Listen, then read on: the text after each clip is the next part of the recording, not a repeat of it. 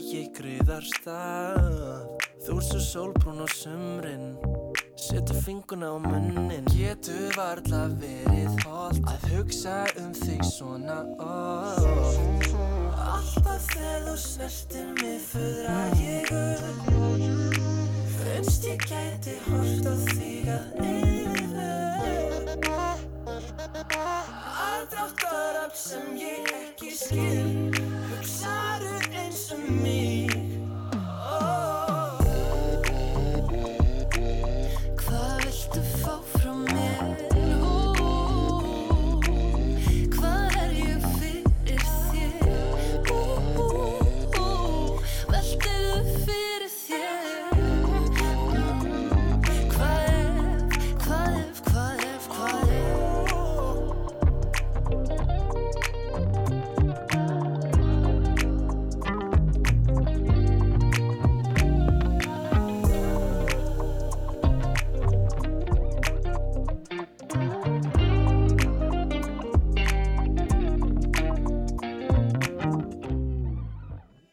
mig Sunnudagssögur á Rástfö.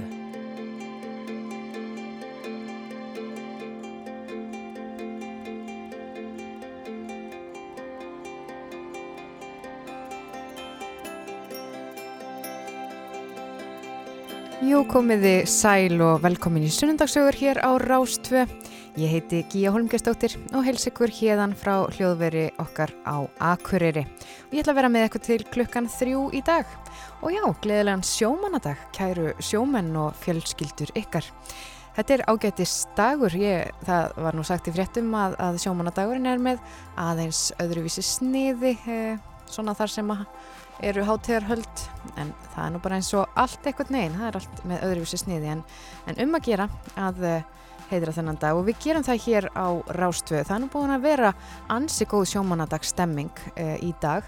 Felix hérna í morgun ringdi í, í sjómenn og spjallaði svona um, um, um, um daginn og veginn. Og Jón Ólaf spilaði hérna sjómannalega miklu kappi hér í morgun. Og hérna í sunnundasjónum þá verður sjómannalífið einnig svona í hávegum haft í tilefni dagsins þannig að þetta verða, já, nokkus konar svona sunnudags sjómannasögur en uh, í fyrirluta þáttarins þá fáum við til okkar gest hingað í hljóðverið.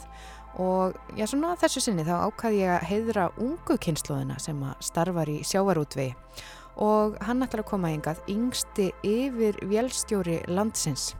Það er hann Fridrik Karlsson og hann ætlar að segja okkur frá starfi sínu sem, að, sem yfir vélstjóri á skipinu Hardback EA3. En um, já og hann mun koma einna svona um eitt leitið og, og, og segja okkur sína sögu. En í setni hluta þáttarins þá ætla ég með þetta að ringja um landið, ringja í sjómenn og ég ætla að ringja í uh, einn í Vestmanniu og annan á Borgafjörði Eistra. Heyra svona hvernig sjómandagsstemmingin er hjá þeim, uh, hvað hefur svona ennkjent þeirra sjómanna líf og það verður hérna millir klukkan 2 og 3 í dag. En áðurann Fredrik Karlsson yfir Vélstjóri kemur hinga til okkar. Þá ætlum við að heyra smá tónlist og við förum yfir veðrið og svona og við skulum fá hérna bara þetta lag sem er með henni Kristínu Cecilju What Would I Do Without You Don't think I've said it enough. Don't think I've made it clear. Don't think you know just how much My breath is trembling with fear fight and we argue, then we don't talk. I get angry, you get mean. I'm sorry that I scream. I just hope that if I would, the words just say don't leave me dear. Cause when life was so rough, I was down on the ground. You entered like a storm, I was finally found. And if I ever get so lucky, then you won't ever leave me dear. And what would I do? Would I do? Would I do? Would I do without you?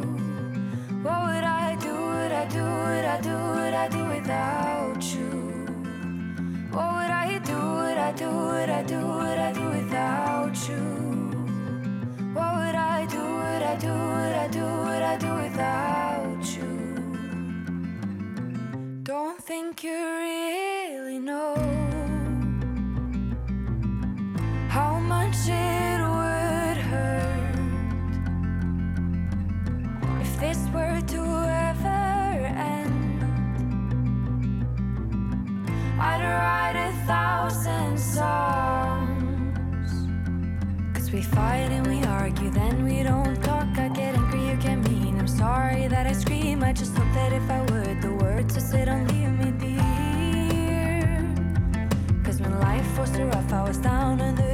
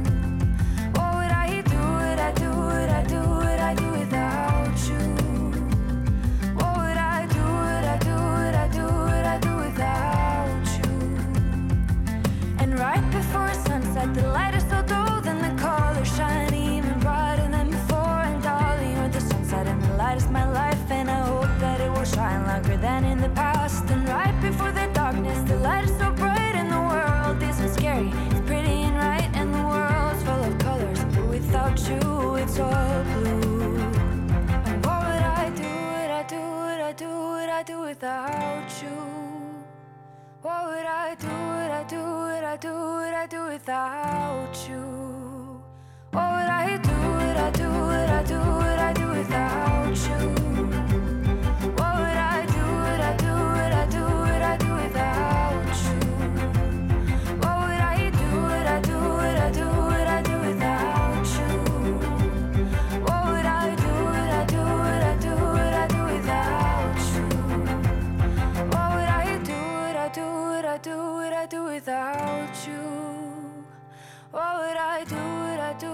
Do? Would I do? Without you? Já, þetta er hún Kristín Cecilia með læð What Would I Do Without You en uh, þér eru hlusta á sunnundagsögurnar hér á Rástfö og það er nú bara um að gera að fara aðeins yfir veðrið og uh, já, það er nú eitt sem að sjómið þurfa virkilega mikið að spá í þannig að við ætlum hérna að lesa horfur, horfur næsta sólarhingin yfir allt landið en það eru, það er sunnan 3 til 10 í dag, skíjað og sumstaðar smá skúrir. Hiti 8 til 15 stig, suðaustan 8 til 13 og fer að rigna á suðvestur og vesturlandi í kvöld. Suðaustan 5 til 13 og rigning á morgun en þurft fram eftir degi norðaustan til á landinu. Hægari og dregur úr vætu annakvöld, hiti 8 til 18 stig og hlýjast norðausturlands. En við skulum hlusta á hérna uh, meiri tónlist og hér er eitt alveg gullfallegt lagið Perla með Guðmundi R og Buppa.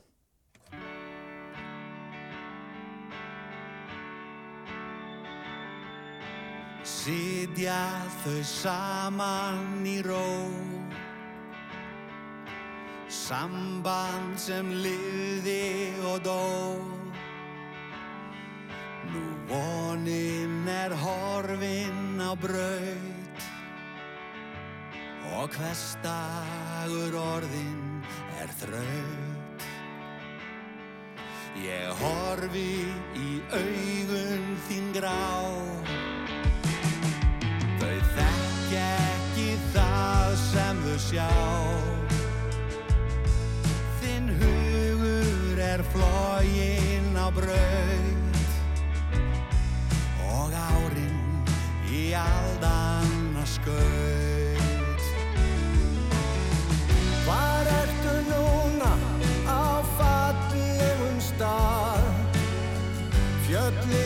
fjörðurinn vitna um það.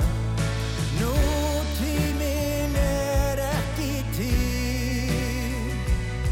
Því fortíðin kallar á þig. Ég er ekki þar sem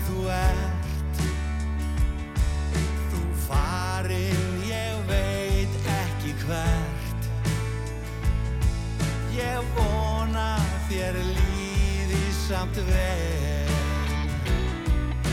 Perla í logari sker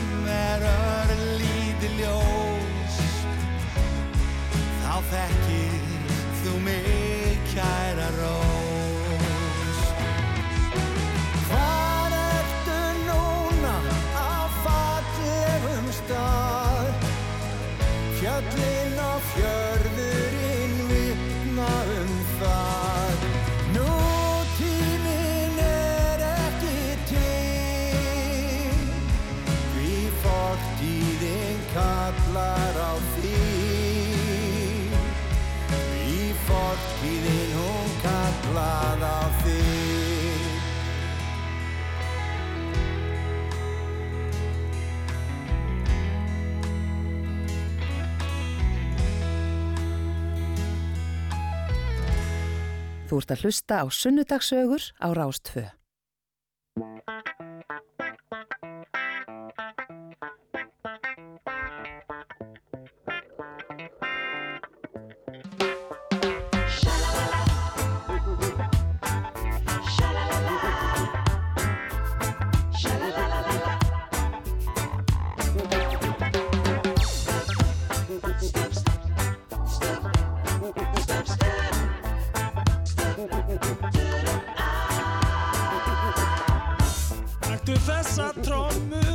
Og tegð á hana skinn.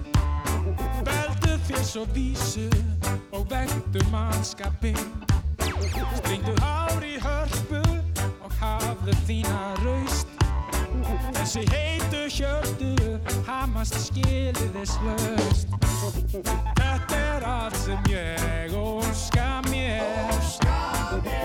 Að ég geti glaðst hér með þér áhyggjur þetta fer vel. Einhvern dag trúðu mér. Stillum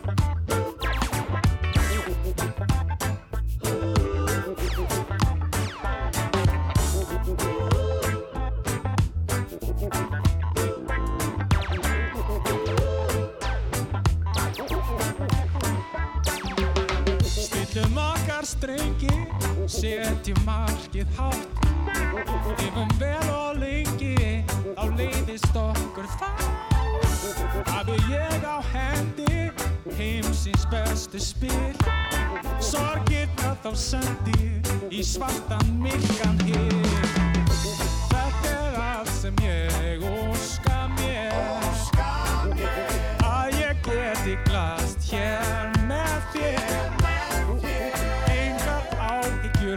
áhyggjur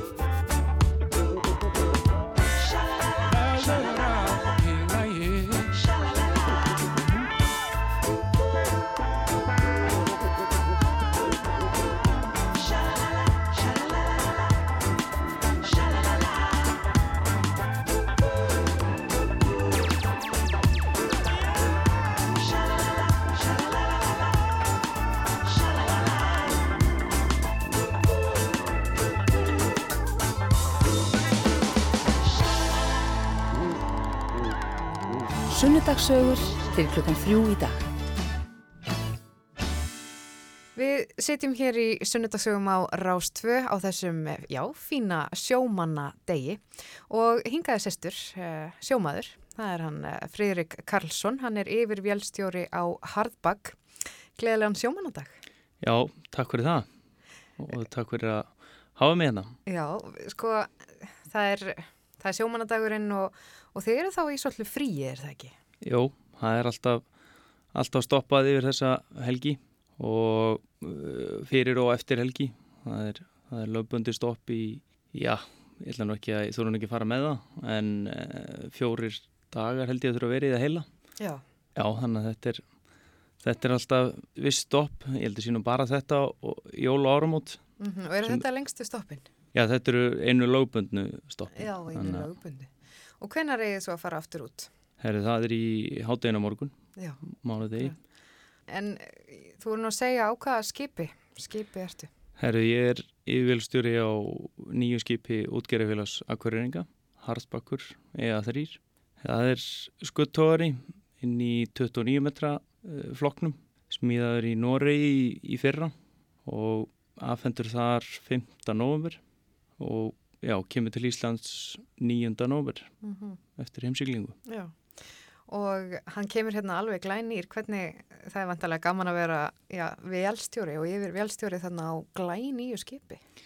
Jú, þetta er auðvitað mjög skemmtilegt en á sama tíma krefjandi Mm -hmm. og skipið er afhengt sagt, klárt en ekki klárt til veiða. Það átti eftir að setja í það vinslubúnað.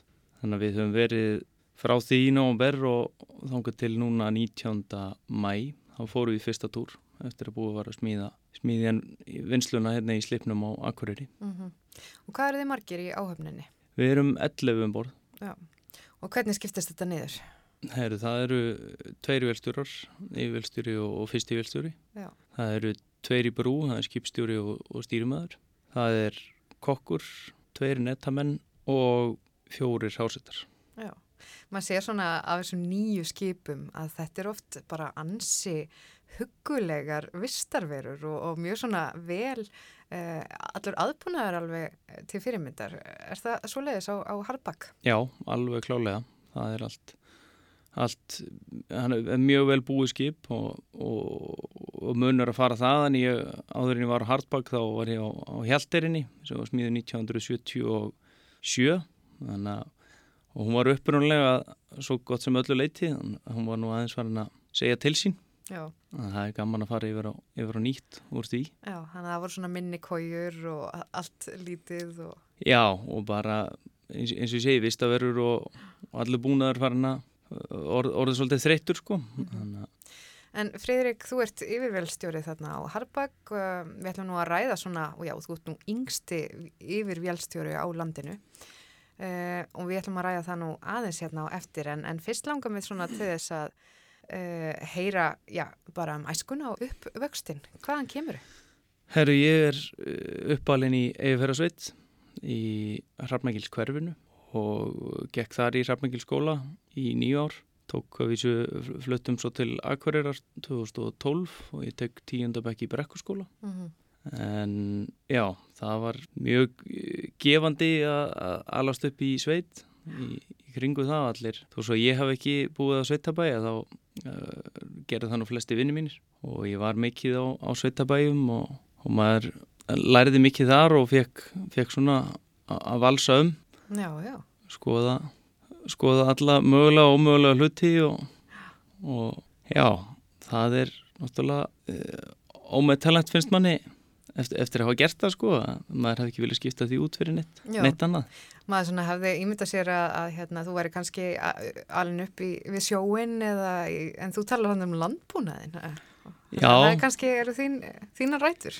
miklu Já, uh, einmitt miklu frekar ég á bara svo gott sem enga tengingu inn í, í sjávartög það er ekki, já, það er ekki nokkuð maður í kringum mig en sem að hefur verið, verið til sjós þannig að ég vann náttúrulega vann í sveit var í fimm sömur á, á kúabúnu Hrafnangili og, og gæti alveg hugsa mér að vera bóndi á þeim tíma og, og unni mér vel í því starfi og, en já, vann þar eins og ég segi fimm sömur með, með grunnskóla og, og sama, sama þar eins og ég nefni hér áður að, að þar læriði maður margt og fekk að prófa, Mhm.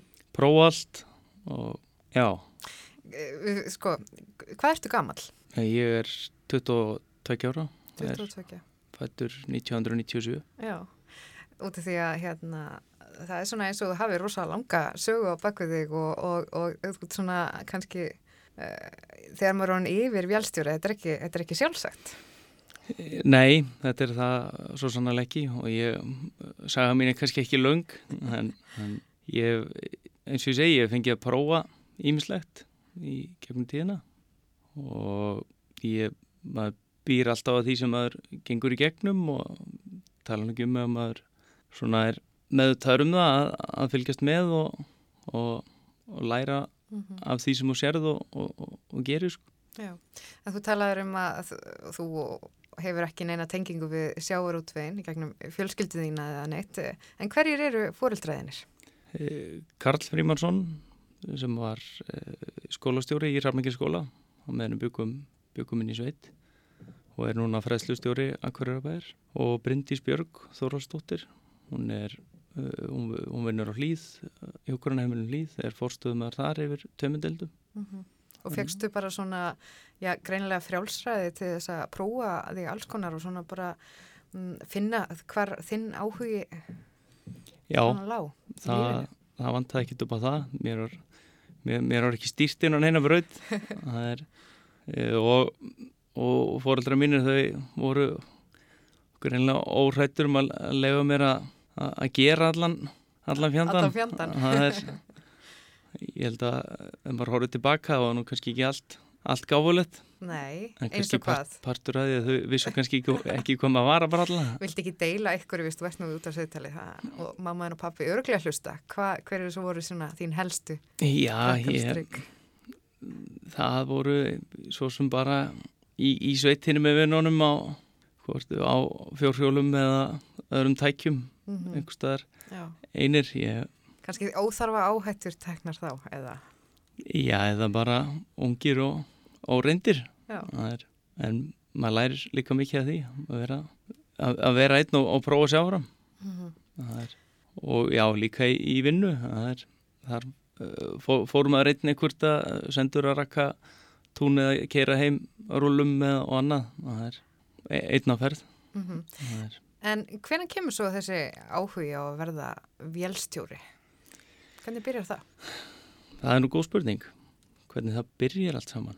Uh, það er samt ég er nú frekar ungur þegar ég segi það ég ætla mér að verða vilstjóri ég held að sé lók sjöndabekjar sjönda áttundabekkur þar sem ég Mhm. segist alltaf að vera vilstjóri á þess kannski endilega að vita þá nákvæmlega hvað fælst í starfinu og ég veit það í dag að ég hafði ekki Já. Þannig að en sá áhug kviknar e, í kringum vélar og búnað í sveitinni það er ég finn það strax ég hef kannski meiri áhuga á því hvernig tæki og, og fóðukerfi og annað, annað virkar heldur en kannski á búskapnum sjálfum Mhm. Já, og já. hafði alltaf mjög gaman að því að, vera sendur í, sendur í viðgerðir og, og slíkt Já. og horfði á viðgerðum en koma sem gáttu að mann fannst lagað allt saman og ég sá það að svona, svona vildi ég vera er vera, vera sjálfbjarga með flest. Já. Og já, þannig að þú hefur svona verið eh, sem barn alltaf að taka eitthvað í sundur og brjóta og setja saman. Er það svona góð lýsing að þér?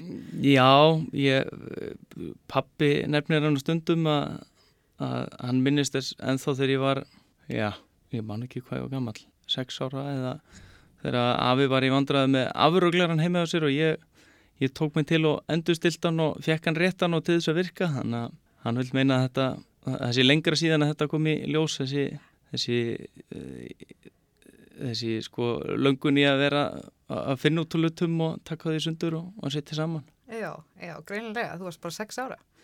Já, þannig Það er nú ansi vel gert.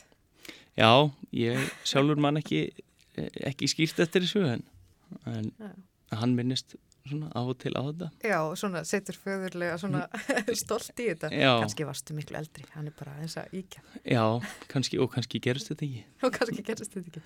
Jú, við skulum allavega trúa því. En þú talaður um að hafa verið mikið í sveitinni og uh, hver var bóndin hann á bænum? Og, og hverju bara ráku búið? E, Jón Elvar Hjörlefsson var og er- er bóndi og og Berglind Kristinsdóttir og ég lærði, lærði mikið þar, þar og mikið af þeim. Og það er, Voru þá eitthvað fjölskyldutengsl þarna eða voru þið alltaf svona fjölskyldan mikið eða að hljóma svona eins og hefði fengið að vera bara það svolítið þarna á búinu?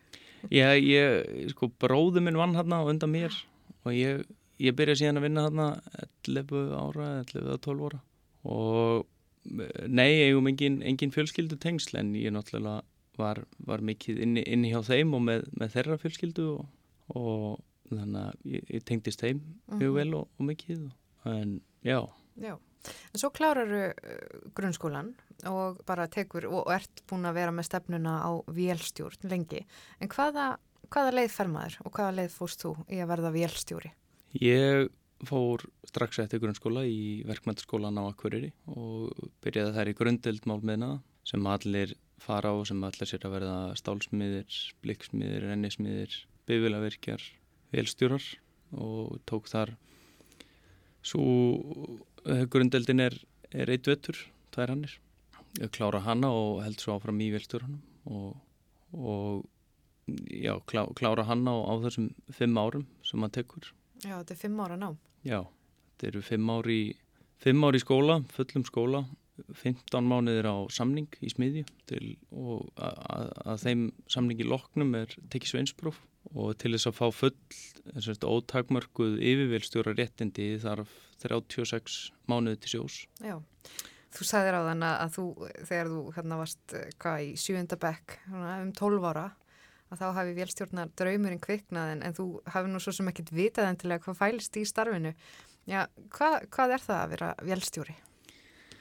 Já, hvað er það ekki að vera vélstjóri? Ég, og þar sem að eftir ég fór að kynast þessu aðeins að þá heitlaði mig líka að það að vera á skipi þá er sem dæmi, þetta er ekki bara, bara það að vera nýri vél og smyrja vélar og halda þeim gangandi og, og það er oft á tíðum bara minnsti parturinn af starfinu. Það er að halda aðalveilum skipsins í gangi. Það er allur, allur hinn búnaðurinn. Mm -hmm. uh, rafmaks framlegsla, uh, það er alltaf framlega rafmagn og það þarf að dreifa því og, og nota það, hvort sem það eru stærri notendur eða bara símaðleðstæki. Þannig að allt frá framlegslu til notenda í rafmagni er til dæmis innans, innan starfsviðs vilstjóra. Það eru öll rafmagstæki og rafmagsbúnaður, tölfur já, inn, á, inn á hans borði. Já. Svo eru öll lagnarkerfi, skólpkerfi sem, sem dæmi það e, dælur og, og klóaglagnir og e, vökkvakerfi, glussakerfi, loftaristikerfi og svo náttúrulega í, í dag hefur hafa ramags stýringar og rafbúnaður aukist til muna í skipum. Þannig að ég, ég kláraði bætið með rafverkjanum og það er ekki, ekki mikil viðbót við velstjóran það er, er teknir það margir áfangar í ramarsvæði í vilstjórnanum eða að viðbótin er, eru nýju áfangar. Já, já, sem er þá ein önn eða e, e, eitthvað svolítið? Já, það er svona ein og hálf önn kannski. Já. Ég og, og vinnum minn tókum okkur til og við fluttum söður hérna, í áramotinn 2018-19 og, og fórum í tækniskólan. Það sem að við tókum þessan, ef við reyndar tókum einn áfanga í fjarnámi á haustun 2018 og vorum jafnvel að spáði að taka þetta allt í svona fjarnámi en það var svona eiginlega eins og maður gerði ráð fyrir að þetta var teik, teikningáfangi og maður ætlaði að gera hann svona í, í fríum og á frívöktum á sjó og, en hann var náttúrulega allur unnin síðustu tíu daga fyrir lokaskil. Já, já, eins og, eins og gerist. Já, var, þetta var einhvern veginn endaði aldrei í fyrsta sæti fyrir inn í lokin. Já, já. Þannig að við töldum að betra að flytja bara söður og taka þetta allt í einum rikk, hann var setni átta áfangana tóku og einni önn. Já, já, já og það var bara miklu þægilega þá var maður ekki annað einu öðru. Já, þannig að þú ert velstjóra mentaður og rafverkja mentaður og það hlýtur nú að koma sér vel þegar þú ert eins og þú lístir þessu að stjórna bara þarna. Þetta er svona svo lítið fljótandi samfélag, bátur ef að þú þarfst að stýra bæði frávitukerfi og rafmækskerfi og interneti og aðal stjórnstöð Já, jú, það nýtist klálega mjög vel og þetta er, er mjög algengt að þeir sem klára velstjóðan á dýrittindi takki rafverkjan líka. Já. En hvernig er þetta? Þetta er eins og, já, þetta er svona lítið, lítið samfélag með öllum innviðum og þetta er svolítið merkilegt. Já, það, og það er náttúrulega ekki bara tæki og tólum borð, það er náttúrulega, það er mannskapurinn líka, það er, það er öðruvísi, þetta er ekki bara samstarfsfélagiðinir, við, við vinnum saman og, og búum saman, borðum mm -hmm. og, og sofum allir á sama stað. Þannig að samskiptin þurfa að vera svolítið góð. Já. Hvernig er mórallin á Harbakk? Hann er mjög góður, það fer vel á með mönnum og það er líka líkjalatrið fyrir því að endast á sjó held ég að, að það er að vera á skipið sem er góð mórall. Já. Já, nú eru ekki allir velstjóra sem starfa á skipum eða út á sjó e, eða hvernig, hvernig er svona skiptingi þannig á milli? Ég heyrði því einhver tímar fleikt að, að, að 80% velstjórnamenta manna vinna í landi. Já, þannig að mikill meiri hluti velstjóra vinna Já, ég mitt ekki á skipum. Já, mm. það er, og ég, ég hef um, er ekki það að, að, sko, meginn þorri fólks veit kannski ekki endilega hvað velstjóri gerir. Nei. Og, en velstjórar vinna náttúrulega allstaðar það sem einhver velbúnaður er, eða geta unnið það sem einhver velbúnaður er, hvort sem það eru virkjanir, e, verksmiður, vörhús uh, eða venjulegt vélaverkstæði í enn og spítalar Já, já. Þannig að þið eruð víða og þið eruð út um allt. Já, Gjálstjórarnir. þetta eru svona mennindir á bakvið tjöldin Já, nokkulega. Þegar þú lístur skipin þann, þá, þá hugsaði ég um hérna Truman Show, uh, myndina með Jim Carrey þar sem að, að öllu er stjórnað bak við tjöldin.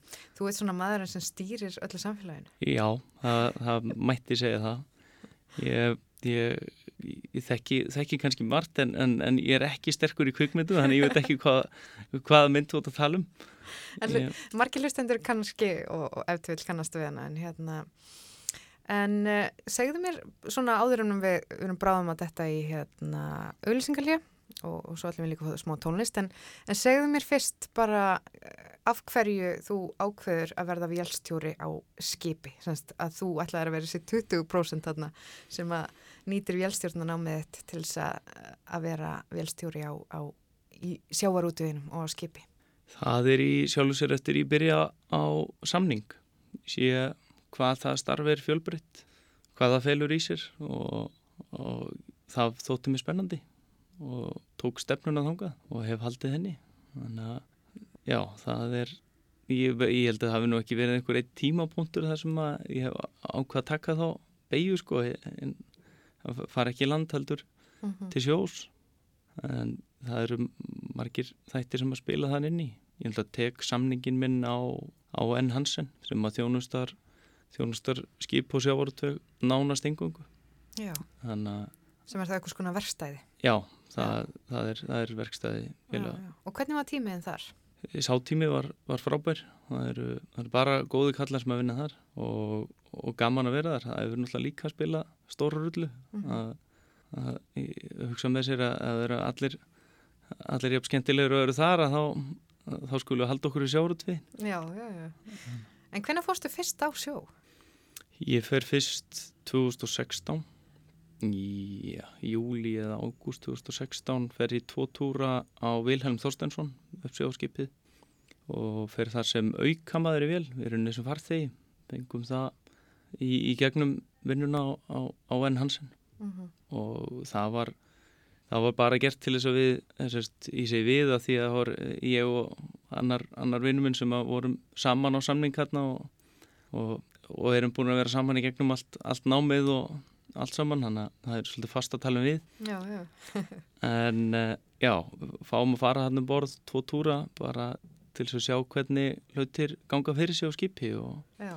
Og fannstu þá stert bara, já, þarna, þarna vil ég vera. já, það mætti segja það Já. já, við setjum hérna í sunnundagsögum og hjá mér er hann Freyðurik Karlsson, hann er yngsti yfir vélstjóri á landinu og eh, er sem sagt á skipinu Hardback og við ætlum að fá hérna smá ölsingar og tónlist og við komum svo aftur og höldum spjalli okkar áfram.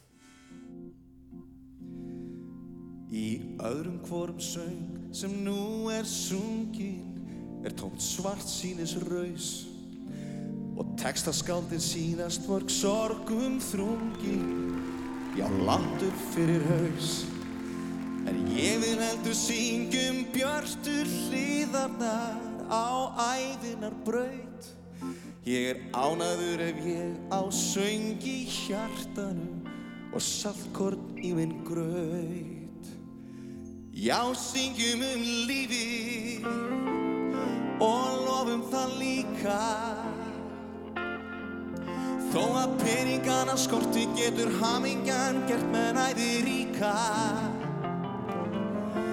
Það er nógur tími til að hugsa um dauðan eftir dauðan njótum lífsins meðan kostur er. Ég syng bara um lífi og syngdu með mér.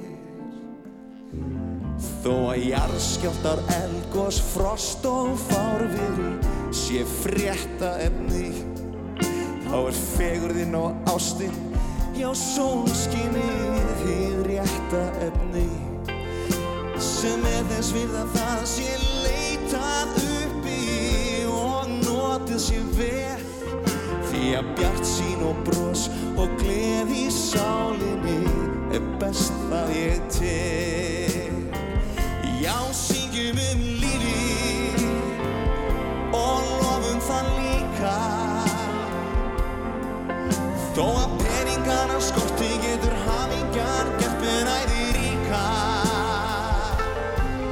Það er nógar tíði til að þessum dauðar eftir dauðan njótu lífsins meðan kostur er Ég syng bara um lífi og síndu með mér. Ef leiðist ég að hlusta á nöldu um, um fátækt og púl Má alltaf grafi blökku söngva sungna af rúnar í júl. Og ef þú vilt fá skamt og ánægju gleði og hamingju von Þá ættir þú að hlusta á texta eftir hann Þorstein Eggertsson. Hann semur um lífi og lofar það líka peningana skorti getur hamingjan gert menn æði ríka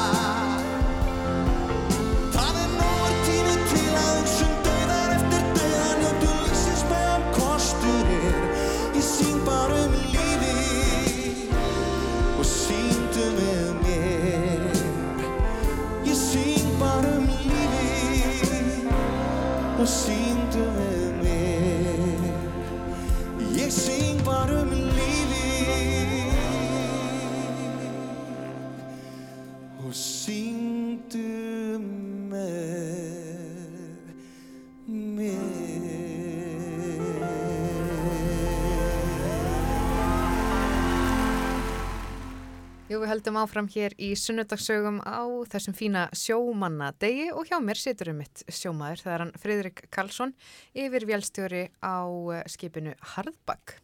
Uh, við rættum það hérna áðan, Fridrik, að ég var eitthvað svona líka starfiðinu við uh, já, þann sem stjórnar í, og ég vísaði myndina The Truman Show og þú komst nú svona pínu af fjöllum og, og við googluðum myndina núna hérna á meðan tónlistin var í gangi og þú kannast bara ekkert við hana. Nei, ég, er svona ég, ég séð sko, ég hef ekki séð margar bíómyndir um aðuna, svona miða við miða við aðra kannski Já. en ég hef einhvern veginn valið mér að gera annað Já, þú hefur ekki eitt tímanum í svona sjónvarsglóp og, og villir. ég, það er kannski ekki verið en eitthvað annað ég bara uh, endist ekki í því Nei. En hvað svona, já, þú greinilega ert mjög áhuga samur um starfið og, og vélstjórnina og svona. Nærðu að fara eitthvert inn í verslanir eða inn í einhverja verksmiður eða eitthvað án þess að skoða allan tækjabúnað? Ertu sífælt að skoða hvernig hlutir virka? Já, það mætti segja það ég er það er eiginlega hvert sem maður fer eins og þú nefnir verslanir maður lappar inn í mjölkukellin og horfur upp í loftið og, og sér þar kellibúnt og spáir í því og það er, það er hvert sem maður hvert sem maður fer og, og kemur það er, maður er alltaf með huga við þetta Já. bara svona eins og ég get ímynda mér að eh, smiður lappar inn í, inn, inn í hús sko, hann pælir í því hvernig það er byggt Já, einmitt. en ég, ég, svo líka það maður maður kannski gleymið sér svolítið mikið, mikið í þessu gera því að þetta er, þetta er starfið og áhagamálið það það er alveg, alveg komið tímar það sem, sem er kannski sérstaklega slemt að maður er ekki viðrað að hæfur um, um eitt niður neitt nema það sem tengist sko, sjárutvegi eða, eða velbúnaði eða Já, eitthvað í þá veru það er alveg búin að komið út fyrir eitthvað það sem, það sem er að gerast frá degi til dags í kannski samfélaginu Þannig að ef að þú eh, kíkir út á lífið eða það eru matabóð þá, þá ferð þú að tala um, já, hvað getur þú tala um? Skilvindur og hvað er svona, hver er staðarbúnaðurinn? Já, nei, ég reynir nú að að hlýfa fólki við því en já, ég hef, ég hef, ég hef gaman að því að tala um, um, um búnað og, og, verkmiður og, og, og hluti sem gangu upp Já, þú ert svona græjukall kannski. Já, Já, þá, sko, maður verður að spyrja svoleiðis fólk bara, hvað er svona nýjasta, uh, nýjasta tækið um borði í Hardback sem þú ert mjög stoltur af? Já, þetta er náttúrulega allt saman nýtt sko en, en það eru e, í skipun eru tvær aðalvilar í stað einnar sem er í flestum skipum. En að búnaðurinn er ívið meiri því teindu e, það sem er sérstaklega frábröðu nýju skipi og, og, og þeim, þeim gömlu er, er að er, er, það er sérstaklega tækja rými og þar inni eru öll samskiptatæki í brú og fyrir skipið í heilsinni fyrir, fyrir internet og fiskileitatæki og það er svona það sem er kannski nýjasta nólinni Já, já.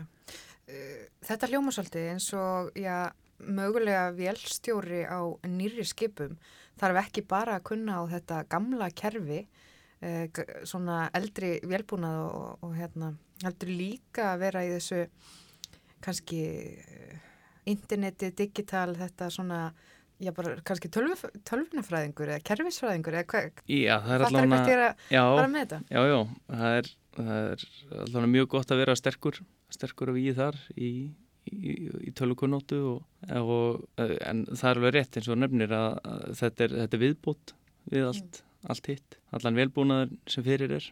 En ég, ég, ég tala kannski svolítið þannig eins og maður standir nú bara einn í þessu öllu saman en, en það er náttúrulega þannig að maður vinnur hjá fyrirtæki eins og útgerðafélaginu að, að maður hefur gríðalega stert bakland.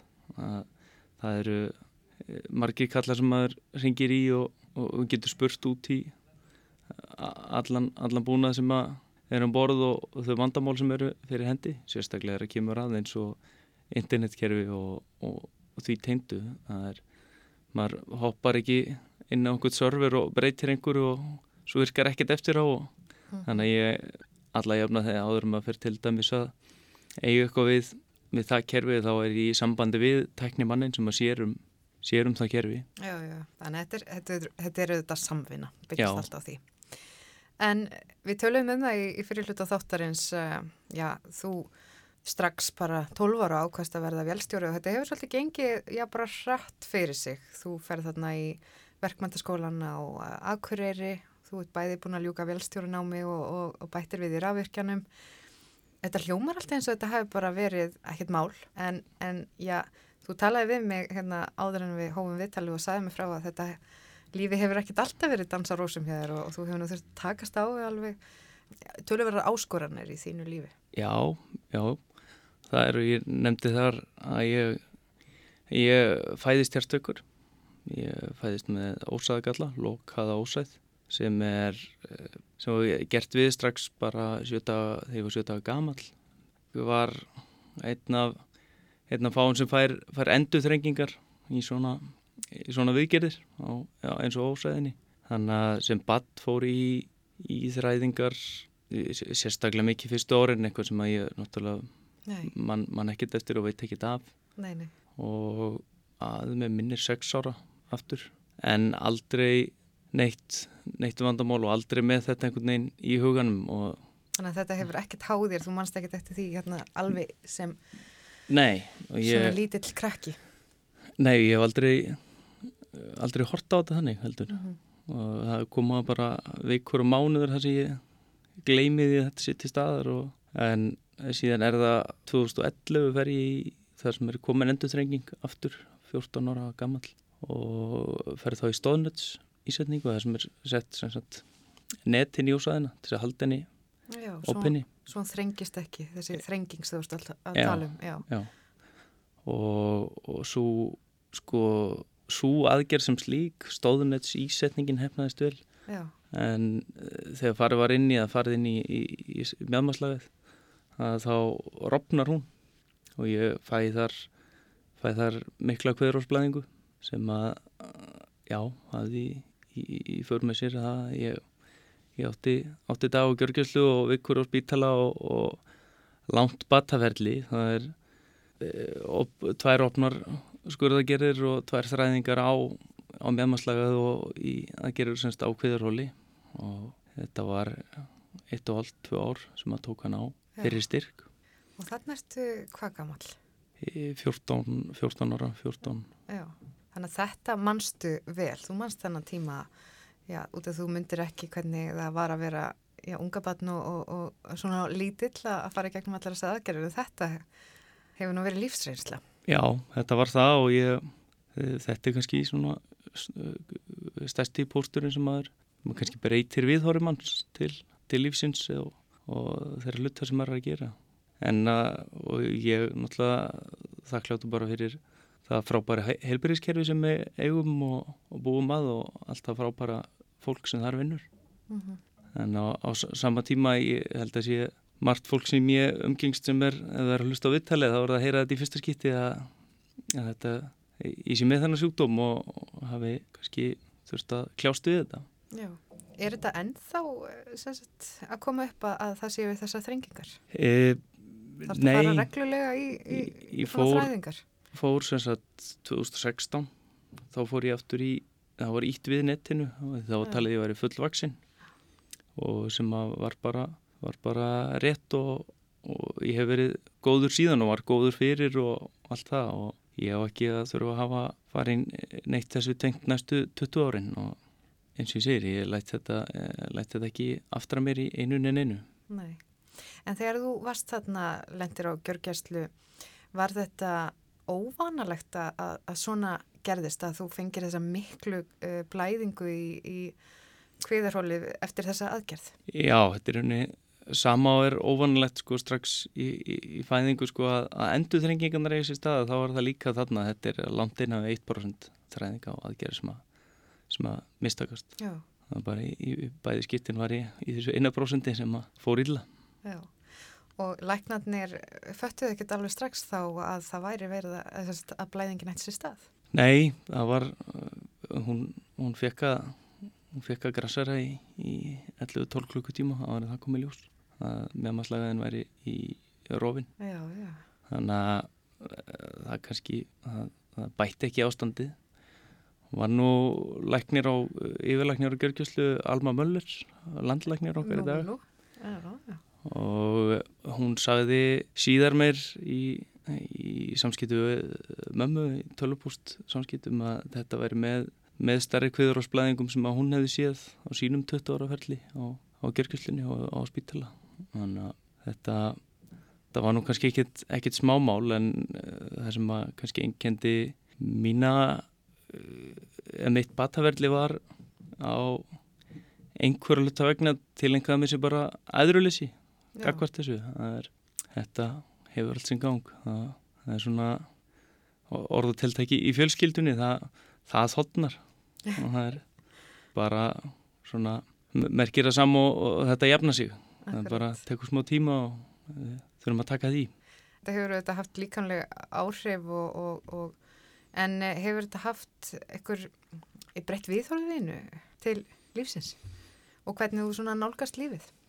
Í, í, já, ég, eins og ég nefndi á þann að þetta er kannski sá póstur sem að hefur, kendi manni það að, að, að, að láta sko já, vilja, vilja sjá eitthvað líka eftir sér sko að, að gera eitthvað og lifa lífinu lifandi og svo mætti segja Já. Að taka ekki lífinu sem gefnum hlut. já, og Já. það En við skulum fara bara í starfið á sjónum. Um, já, hvað er svona mesta áskorun út af því að það er svo greinilegt eftir spjall okkar að þú, þú ert maður sem að já, kanta meta góðar áskorunir og þú svona vilt takast á við hluti í lífinu og, og ætlar að sigrast á þeim. En hverjar eru þá svona helstu áskorunir sem að þú hefur mætt í þínu starfi sem yfir vélstjóri á, á uh, sjó? Já, ég mm, uh, þetta er góð spurning hún, uh, það er það eru þetta heilt yfir að vera sko þegar þú ert komin á vestfærða miða þá hefur aðalega við þig, þig að þig einan að steyðjast og kannski velstjórn sem er með þér.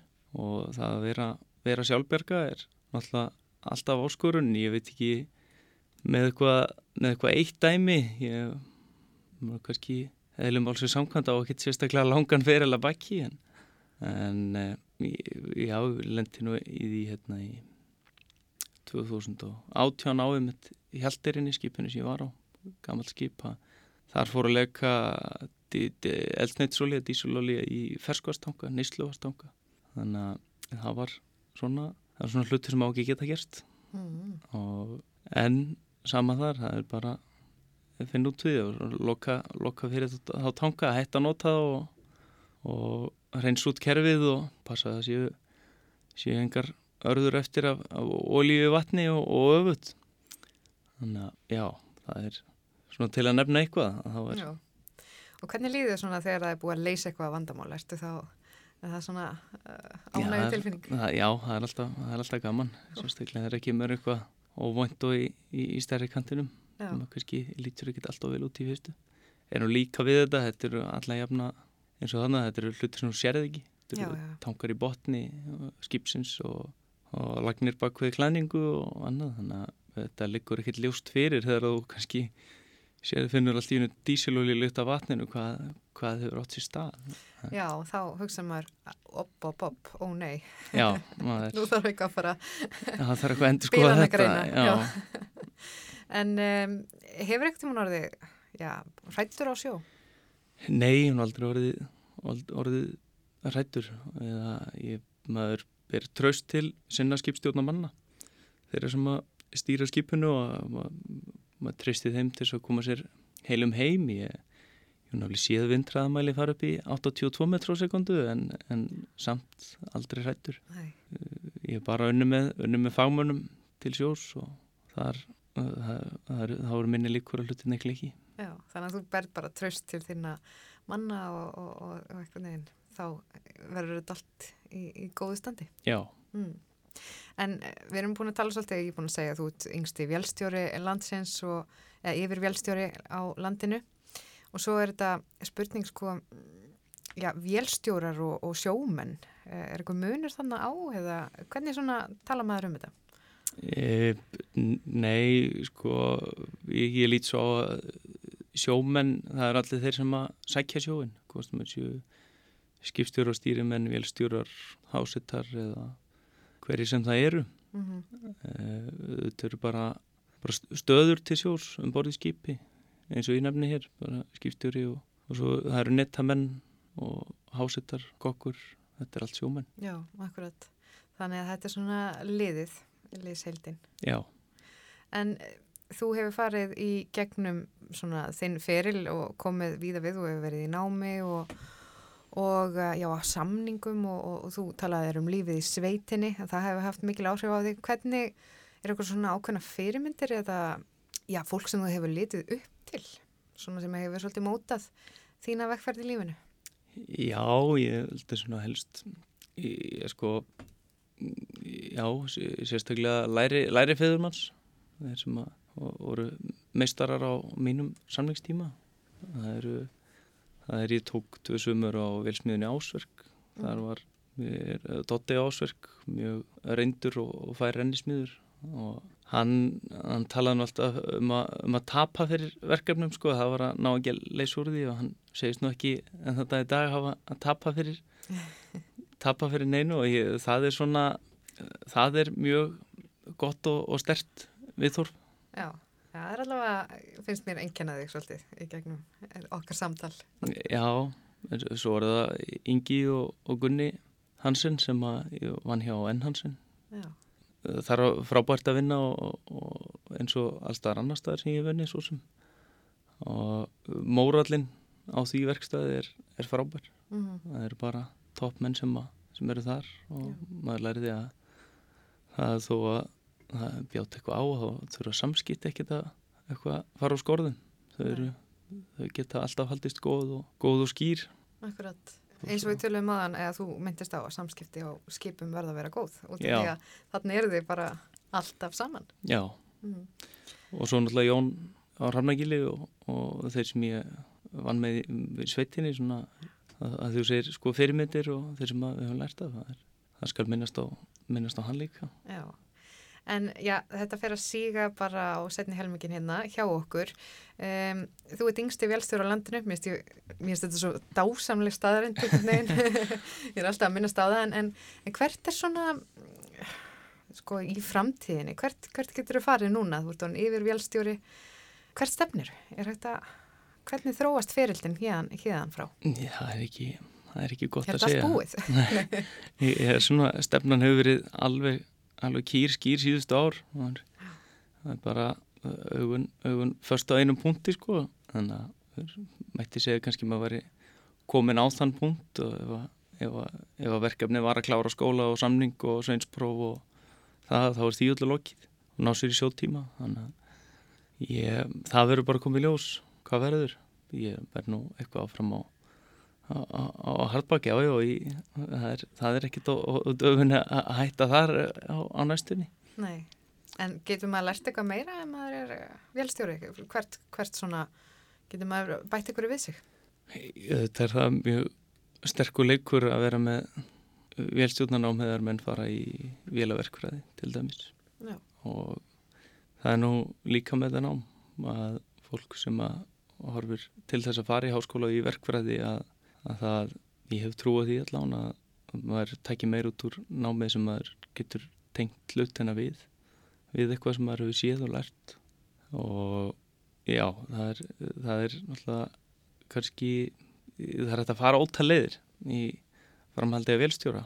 Þetta er rosalega góð grunnur fyrir uh, hvað sem manni kannar detti í huga að gera. Akkurat. En hvernig verður sumari hjá þig? Nú eru fólk að fara að ferðast innanlands, þú mæntalega færið ykkur frí, þú verður að gefa sjó í allt sumar.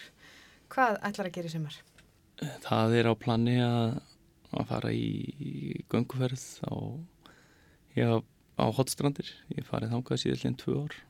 Ég gengið í í fjóra-fimm daga og það er óviðjafnalett að fara á, á hóttstrandir mm -hmm. um, líka verið talað um að, um að fara á langasjó og ég, það á að koma í ljós. Ég ætla alltaf að eitthvað að eitthvað að fara á fjöld Já, þannig að það er útivera og, og væntalega ekki að horfa á neina bíómyndir. Og ekki neitt Ég ætla ekki að setja inn í neitt plan. Það, það, það kemur þó. En eh, bara bestu þakkir eh, fyrir að koma engað í sunnundarsögu til okkar að segja, segja hlustendum og, og frá svona þínum ferli og hvernig maður hvernig var að verða yfir vélstjóri. Uh, takk fyrir komuna, Friðrik Karlsson. Já, takk fyrir.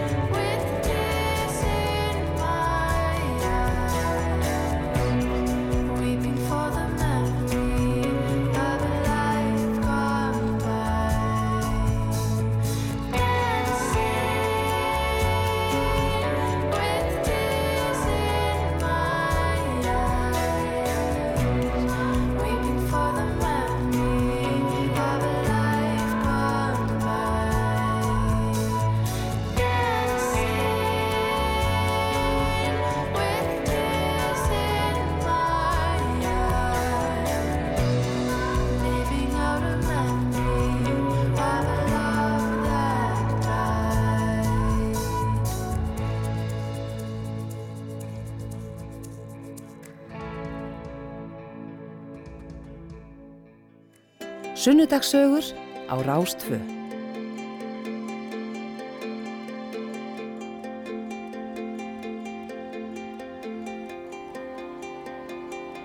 Já, þá er svona fyrsti helmingurinn af sunnundagsögum dagsins í dag að klárast og það fer að líða að fréttum, auglýsingum og fréttum hér klukkan 2 á Rástfö hjá okkur. En uh, það var hann Freyrir Karlsson, hann er yngsti yfir vélstjóri á landinu. Hann var hérna hjá mér, gestur í hljóðverinu á Akureyri og hann sagði svona frá sínu lífi og, og já, hvernig hann varð yfir vélstjóri. Þetta er búin að vera frekar bein og greið leið og hann er mjög ákveðin í lífinu og en hefur enga síður þurft að, eh, að glíma við já, svona áskoranir og eh, já, þið sem mistuð af viðtalinu eða komu seint inn, þetta fyrir þetta allin á sarpin nei, nei, inn á spilaran og, eh, og hérna og þið getið nálgast að, að þætti loknum en uh, nú ætlum við að skipta yfir í smá tónlistaðar við förum í fréttinnar Svo komum við hérna í setni helmingnum og þá ætlum við að ringja í sjómenn, bæði í eigum og á borgarfyrði eistri. En uh, hér fáum við uh, Brímkló næst í óbyggum. Rástvö Fyrst og fremst.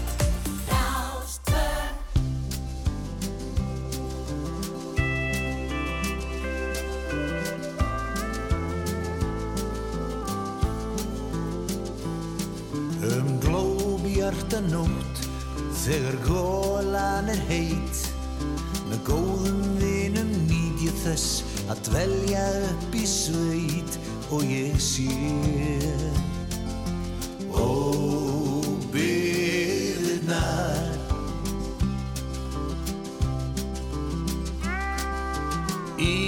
hestaferð Við förum yfir sprengisand Í sólarglóð þar býður Okkar draumaland eilífar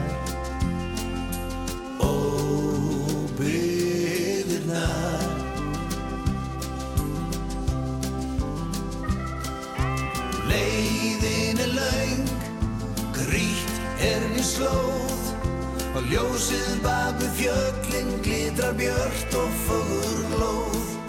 Hafa ástóð þrá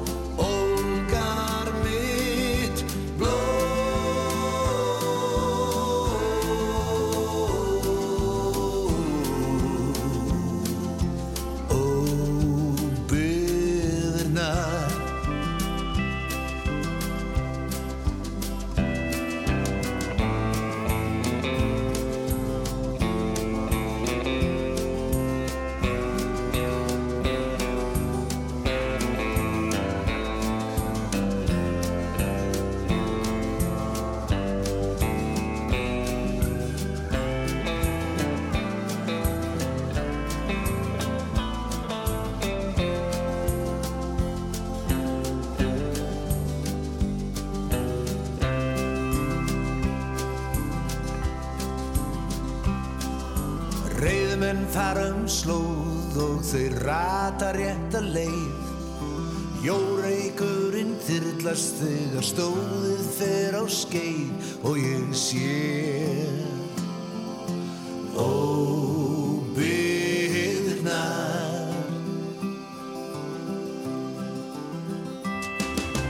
Leiðin er laung, grýtt er við slóð Og ljósið bak við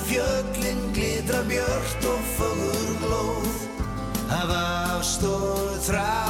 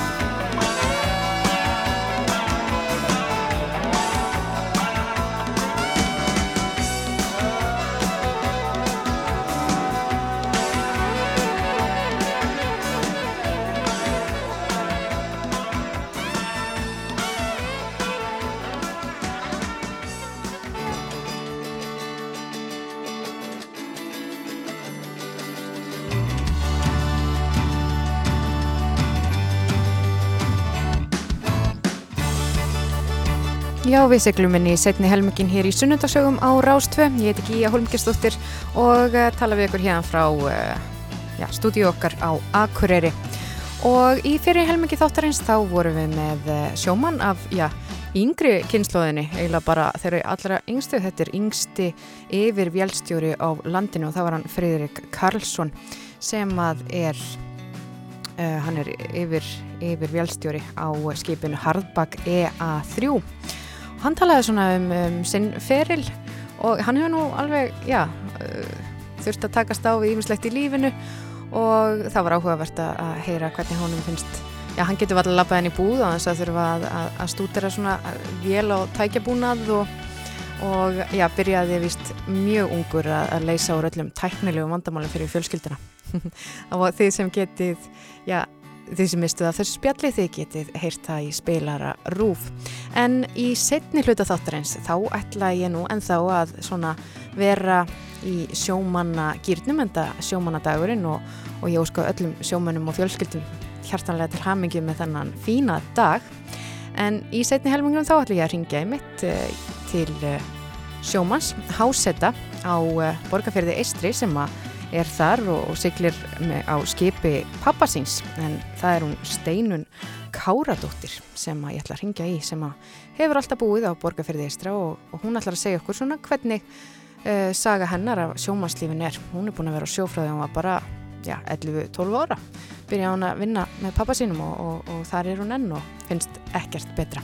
Síðan ætla ég að ringja í Vestmanæjar, þar er hann Ríkardur Jón Stefánsson, kokkur á Berginni sem ætlar að ræða við mig. Hann er nú einn af þeim sem hefur skipulagt sjómanadaginn í Vestmanæjum uh, undanfarin, já, nokkur ár.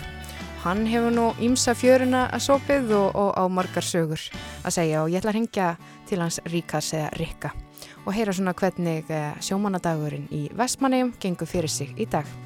En í þessum setni helmingi þáttarins þá ætla ég líka svolítið að já, hlusta á lög með honum Bubbokkar Mortens.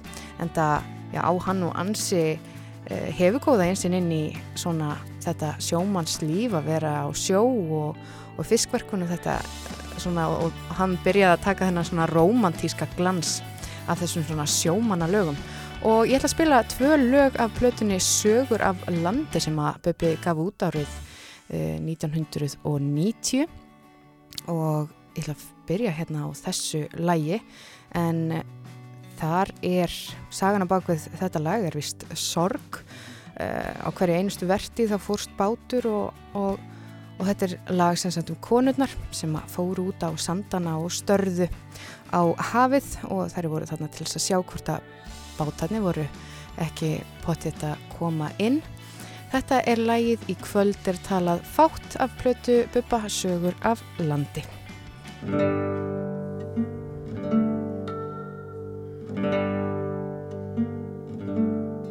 Við horna fjörð er ósinn úvinn aldan rýst þar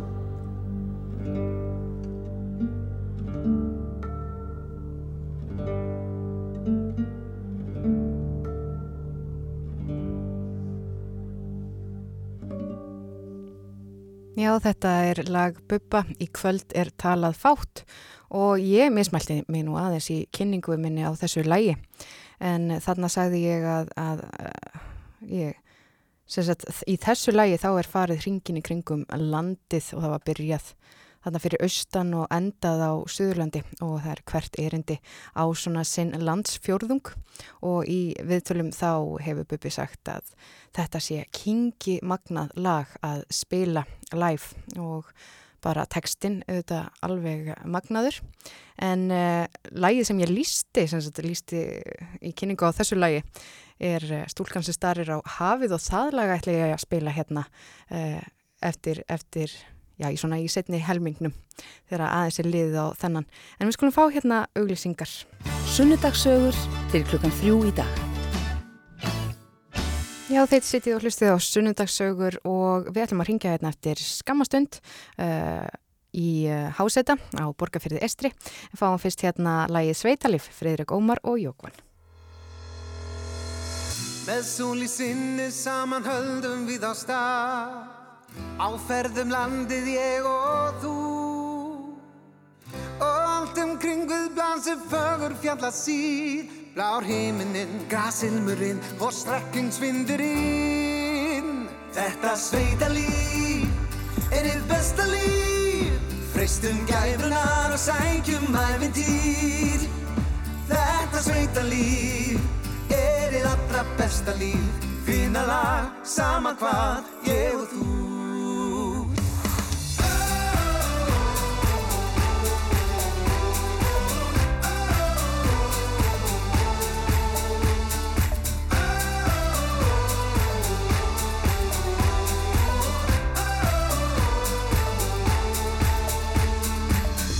þegar komum við á áfangastað Þá gerðan skortir okkur orð.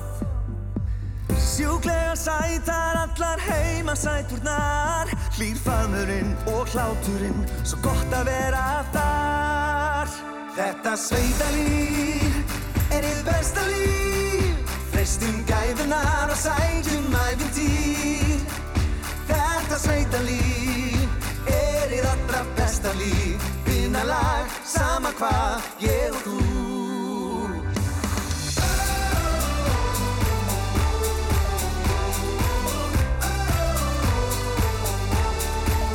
Ég og þú.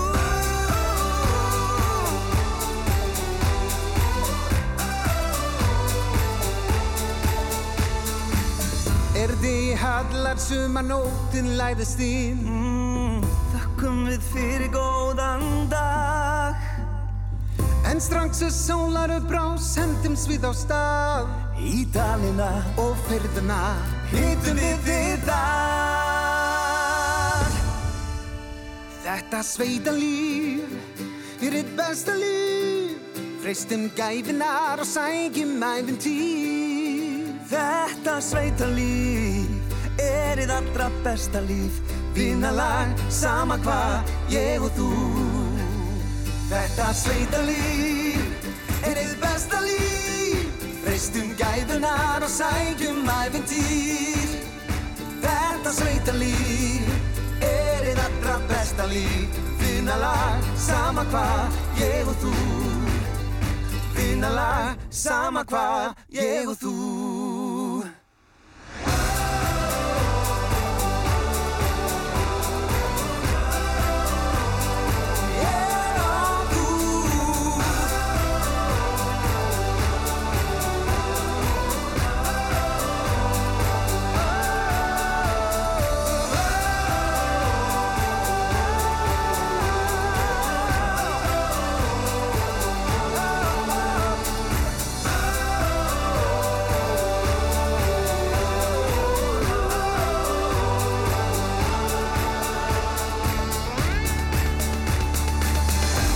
Já, sveitalíf eh, með þeim Friðriki Ómari og Jökvan. En við ætlum nú ekki að tala um neitt sveitalíf í næsta spjalli, enda ætlum við að tala um sjómannslífið, sjómannandagurinn í dag og við erum komin í samband við Háseta sem að býra á borgarfyrði Eistra. Jæja, Steinun Káradóttir, heyrur í mér? Já, ég heyrðu í þér. Sæl og blessuð. Hæ. Hvernig er svo lífið á borgarfyrði Eistri? Það er nú bara nokkuð gott. Hmm, hvernig er veðrið? Það rættast úr veðri, það er bara ágælt. Ég fór með smá syklingu á þann og það er bara búið að vera fínt veður. Já, og já, það er nú örgulega lönghæð fyrir hátíðarhöldum á sjómanadaginn á borgarfyrði Eistri, en uh, hvernig er svona þetta árið? Það er nú svona kannski rólir í kantinum en við fórum í, eins og ég sagði, skemmti syklingu aðeins á þann og, og svo er björgunarsveitinu með kaffilhaldborð núna á eftir. Já, og hefur þú alltaf farið uh, frá því bara mannst eftir þér á sjómanadeginum og, og, og svona tekið þátt í hátíðarhöldum? Já, ég hef allt bara á hverjum sjónmannadegi held ég farið í, í syklingu. Einhvern tíman vorum við pappi bara tvö sem syldum en við fórum bara saman. Þannig að við höfum alltaf, förum alltaf smá rúnd. Já, en uh, sko þegar ég ringdi, ég held ég sé búin að segja bæði borgarfyrði Eistra og Eistri, ég verð bara viðkjanna, ég er ekki alveg með á hreinu hvort er betra að segja og ég ætla bara að spyrja heimamann að þessu, hvort segir maður borgarfjörð Eistra eða Eistri? Já, fer nú eiginlega svolítið bara eftir því hvert þú spyr. Hmm. Það er eiginlega frekar misjant. Ég sjálf tala alltaf um eistri. Mér finnst bara einhvern veginn þegar ég var alveg stutt eins og það hefur alltaf verið talað um eistri. Og ég segi það alltaf. Jæja, þá bara reyni ég að halda mig með Eistri, svona í þessu spjalli. Já, ég meina. En segðu mér Steinun, hvenær byrjaði þú að fara á sjó? Um, sko, ég byrjaði, já, 2002 réði ég allavega allt sumarið Mm og já, þá var ég á 12 ári. Já, 12 ára og varstu þá bara já, fullur háseti, gerðir allt sem að hásetar eiga að gera eða? Nei, ég held að ég gerir nú aðeins meira gagn í dag, vil ég trúa allavega.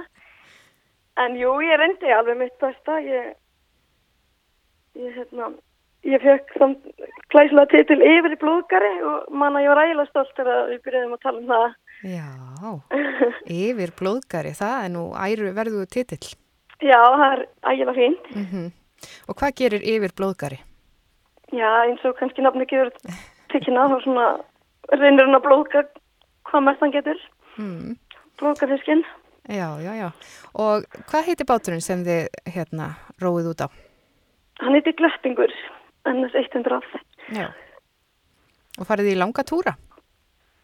Nei, við förum bara í, í dagróra, sko. Þetta er bara svona, já, 14, 12-14 tímar kannski, eitthvað svo leiðis. Já, svona. Og eru þið þá að veiða á línu eða, eða hvað gerir þið? Já, við erum langmest á línu. Um, svo, svo förum við að vísu á grásleipuvertið yfirleitt á hverju voru, Já. en þar fyrir utan rófa á línu. Já, og hvernig er svona hefbundin dagur í þínu starfi sem hásetti?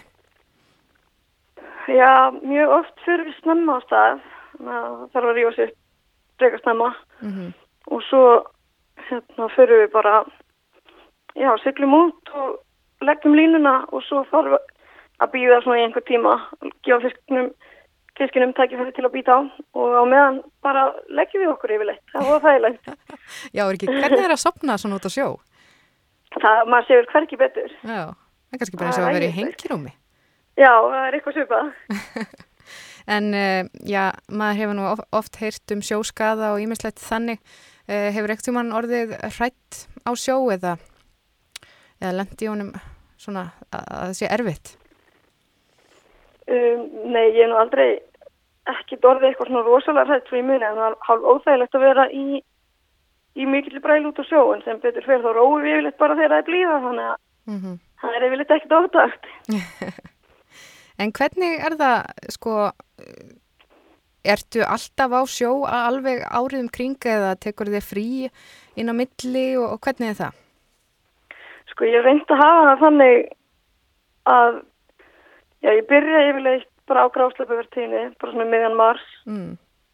og, og vinn svo eitthvað fram á haustu þannig að aðeins misjamt bara hversu lengi en svo hef ég reynd að taka svona aðeins frí yfir háveturinn og þá reynir ég að ferðast bara eins mikið og ég get Já, já.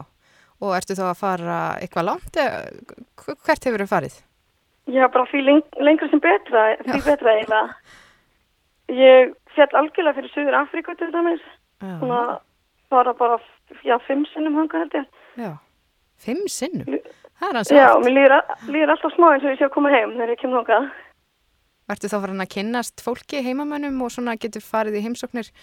eh, Já, veit, eignast bara góða vinni, þannig að, já, mann líður alltaf bara svona smá eins og maður sé að koma heim einhvern veginn. Já, já. Og þegar fórst til Suður Afríku, er ekki hægt að sigla eitthvað þaðan og, og svona stundari vatnasport þegar þú ferði í ferðalög? Já, ég reynir nú að kafa daldið þar sem ég kem. Já. Þannig að þú hefur köfuna réttindi og allt. Já, Já. Hvernig er að sjá svona sjóin undir, niðri, verandi er- sjómaður? það er bara alveg ótrúlega upplifun. Það er bara allt annar heimur á það niður einhvern veginn. Já.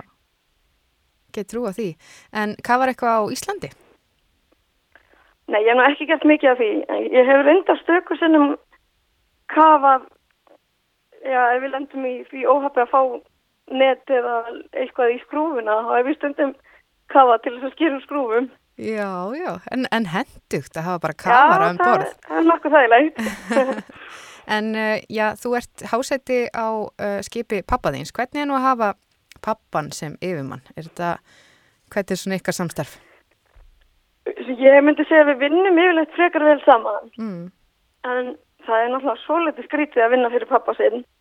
Mér hefur eiginlega sérstaklega þótt að hálf skrítið þegar ég þarf, sem ég reyndar að gera nú ekkert mjög oft, en ef ég þarf að byrja um frí, Já. þá líður mér alltaf smá eins og ég sé bara orðin barn aftur og þurfa að spyrja pappa um leiði hvort ég megi fara eitthvað eða gera eitthvað. Já, það getur verið er kannski svolítið svolítið skrítið. skrítið. Mm. en hver er svona eftirminnilegasti túrin sem að þú hefur farið? Já, þú segir nokkuð. Það er einn, ég á einn mjög eftirminnilegan róður, en hann var ekkert rosalega skemmtilegur. Já, já. En einhver tíman, ég hef verið svona, já, kannski 13-14 ára, Já, þá, þá vorum við á sjó og og ég var nú á þeim tíma vön að vera bara sofandi á meðan pappi var að leggja línuna. Ég, gerði, Mhm. ég var svo lítil, ég gerði þú alveg lítið gagn. já. En svo í þessum róðri þá bara kom alveg skýta bræla og var bara alveg hundlegur veður. Þannig að hann þurfti að vekja mig til þess að, því hann reyð bara ekki við þetta sjálfur. Já, Ég þurfti að, að, að rífa maður fætur til aðstofan og ég var bara alveg hryllilega, hryllilega sjóveik. Mm. Ég var aldrei upplefað neitt, neitt slíkt, þetta var alveg hræðilegt. Já, og þetta þetta er, eitthvað, þetta er eitthvað mjög eftirminnilegt við þetta. Já, ég trúi því, en þetta hefur ekkert fælt þig frá sjómennskunni? Nei, ég skil nú eiginlega stundum ekki af hverju því að mér leiði alveg hryllilega. Já. En sem betur fyrir þá hef ég nú ekkert verið mikið sjóveik þessu utan, þannig að Já, já. þetta hefur alveg sloppið ágætlega. En hvernig er tilfinningin að vera bara lengst út á sjó? Já, kannski ekki í brælu, en bara svona, já, þegar það er uh, gott í sjóin. Hvernig, hvernig tilfinning er það?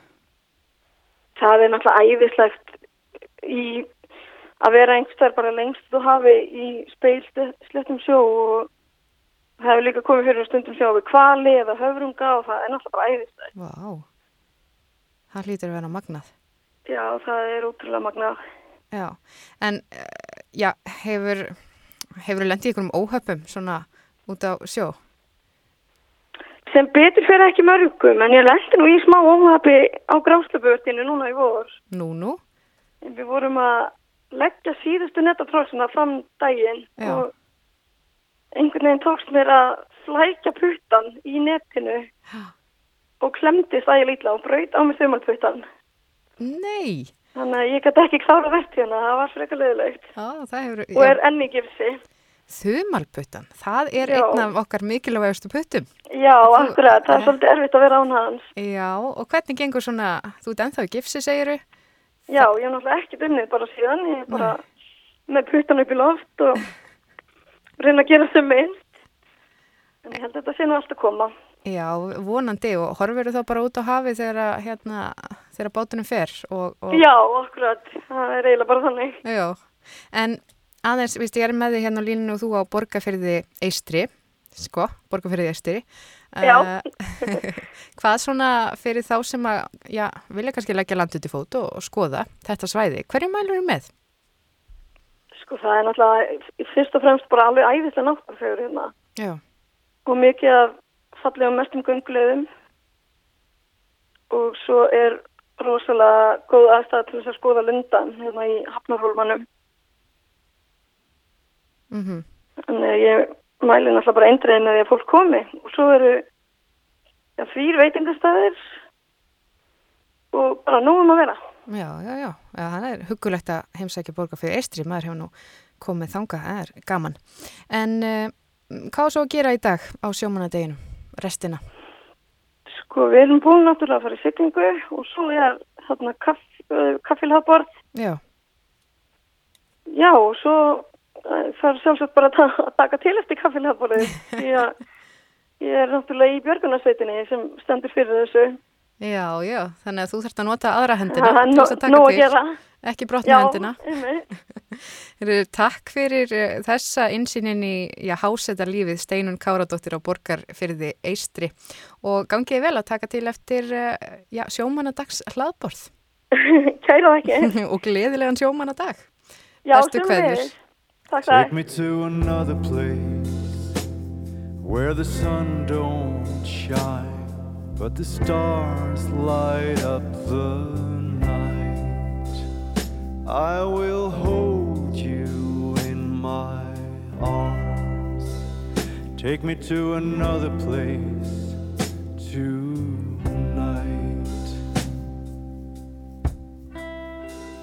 Take me to another place where the present norms neither dictate nor apply. We can just be are, and I will make you feel alright.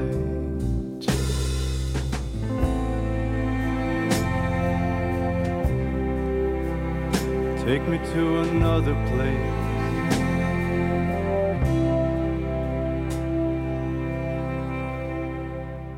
Up among the stars, where the angels sigh, endless void swallow sound in a never ending waltz. You and I can swirl around up among the stars like satellites. We watch that fragile.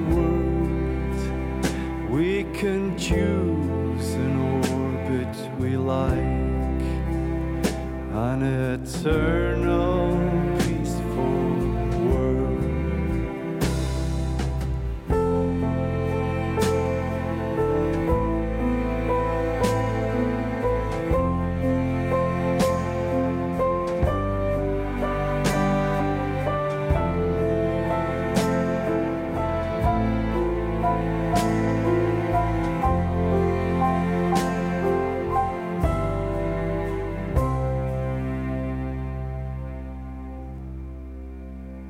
Take me to another stage with no audience where the curtains never sink.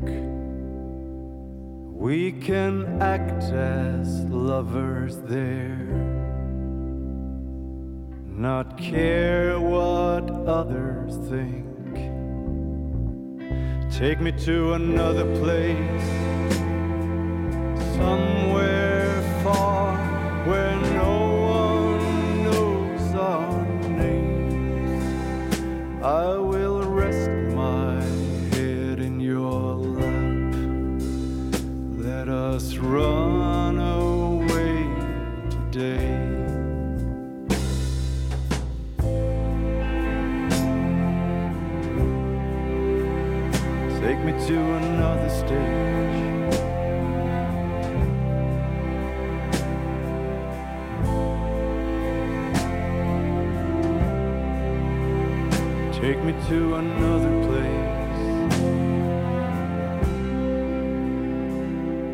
Já, þetta var lagi Coney Island Babies með, nei, nei, þetta var hljómsveitin með lagið Swirl, en heyrum hérna smá auglýsingar.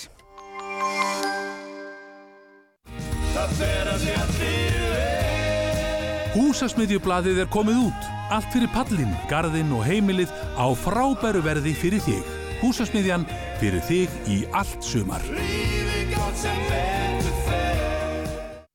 Hlaupum saman 13. júni, sjófa kvennalhaup ISI.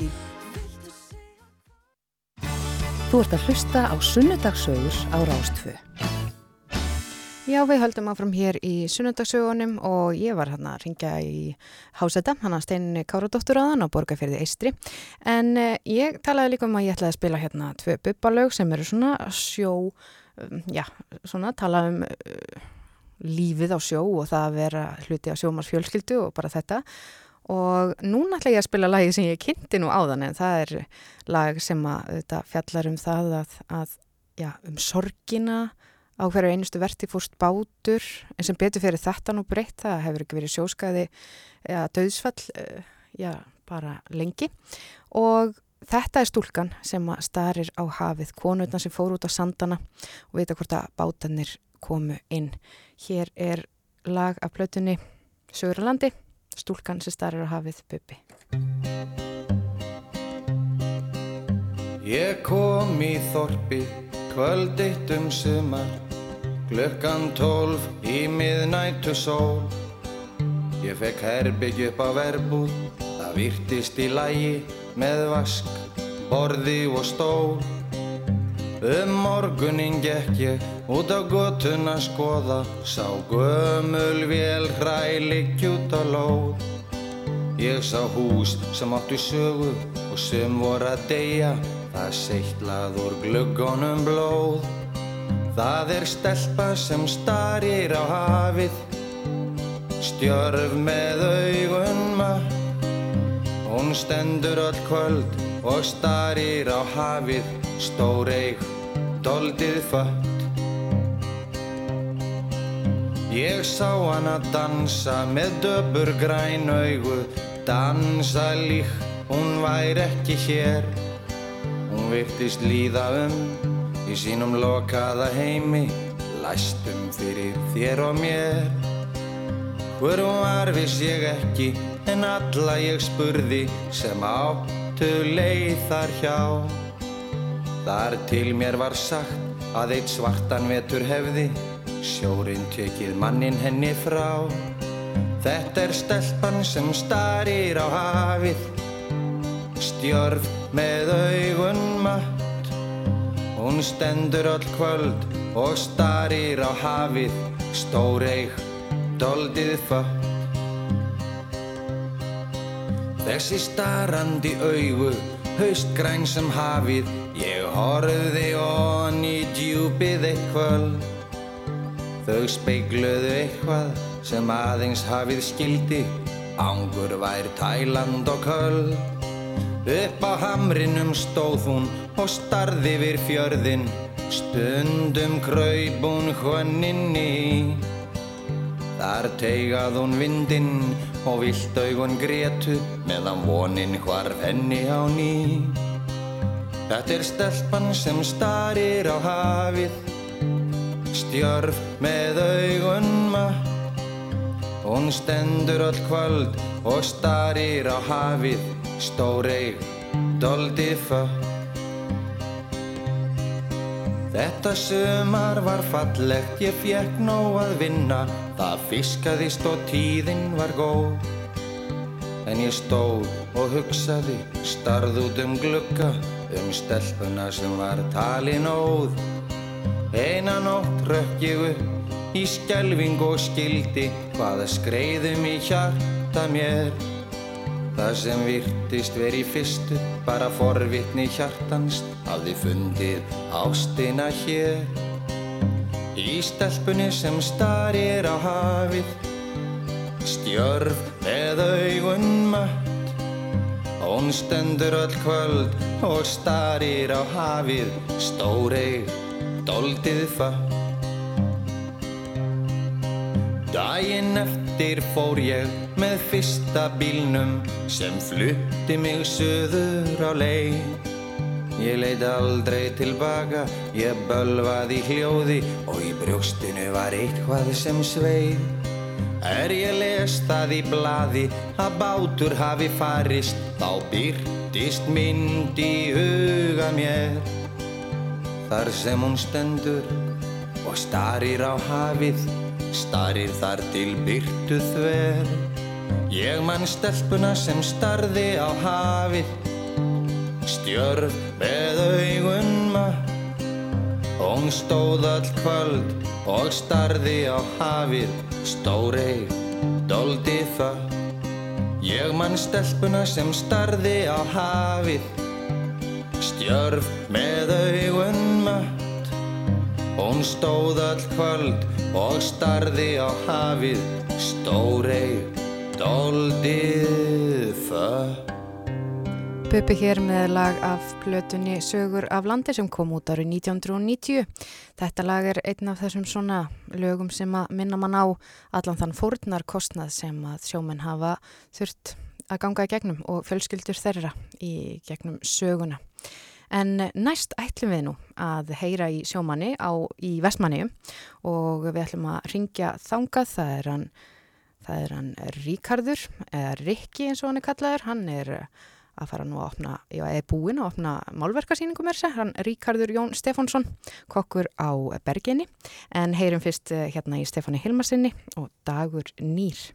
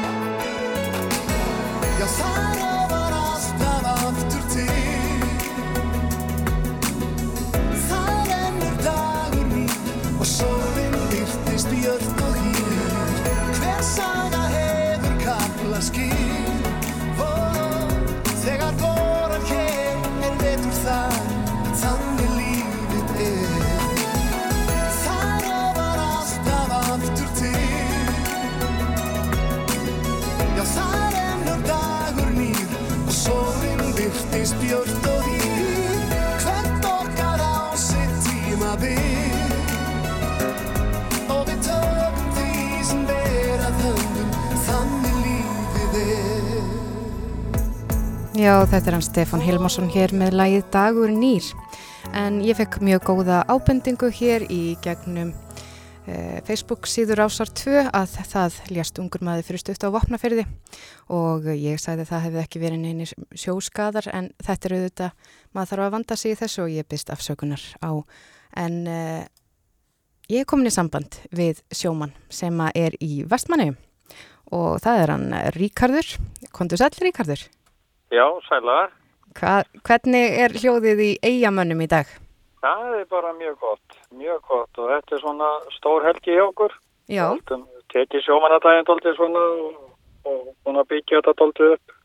Gá hvert böfnum og hana, haft svona hoppukastala og leiktæki og hana. Þetta er að vera svona eins og Disney World hérna er að byggja hjá okkur. En þetta er nú aðeins minna í sniðum heldur vanalega. Já, það er eiginlega eina, það var ekkit ball. Þetta var víst dreift í gær og Já. hérna eigindill var ekki, er ekki með kaffi í dag. Það har verið stórpontur hjá okkur.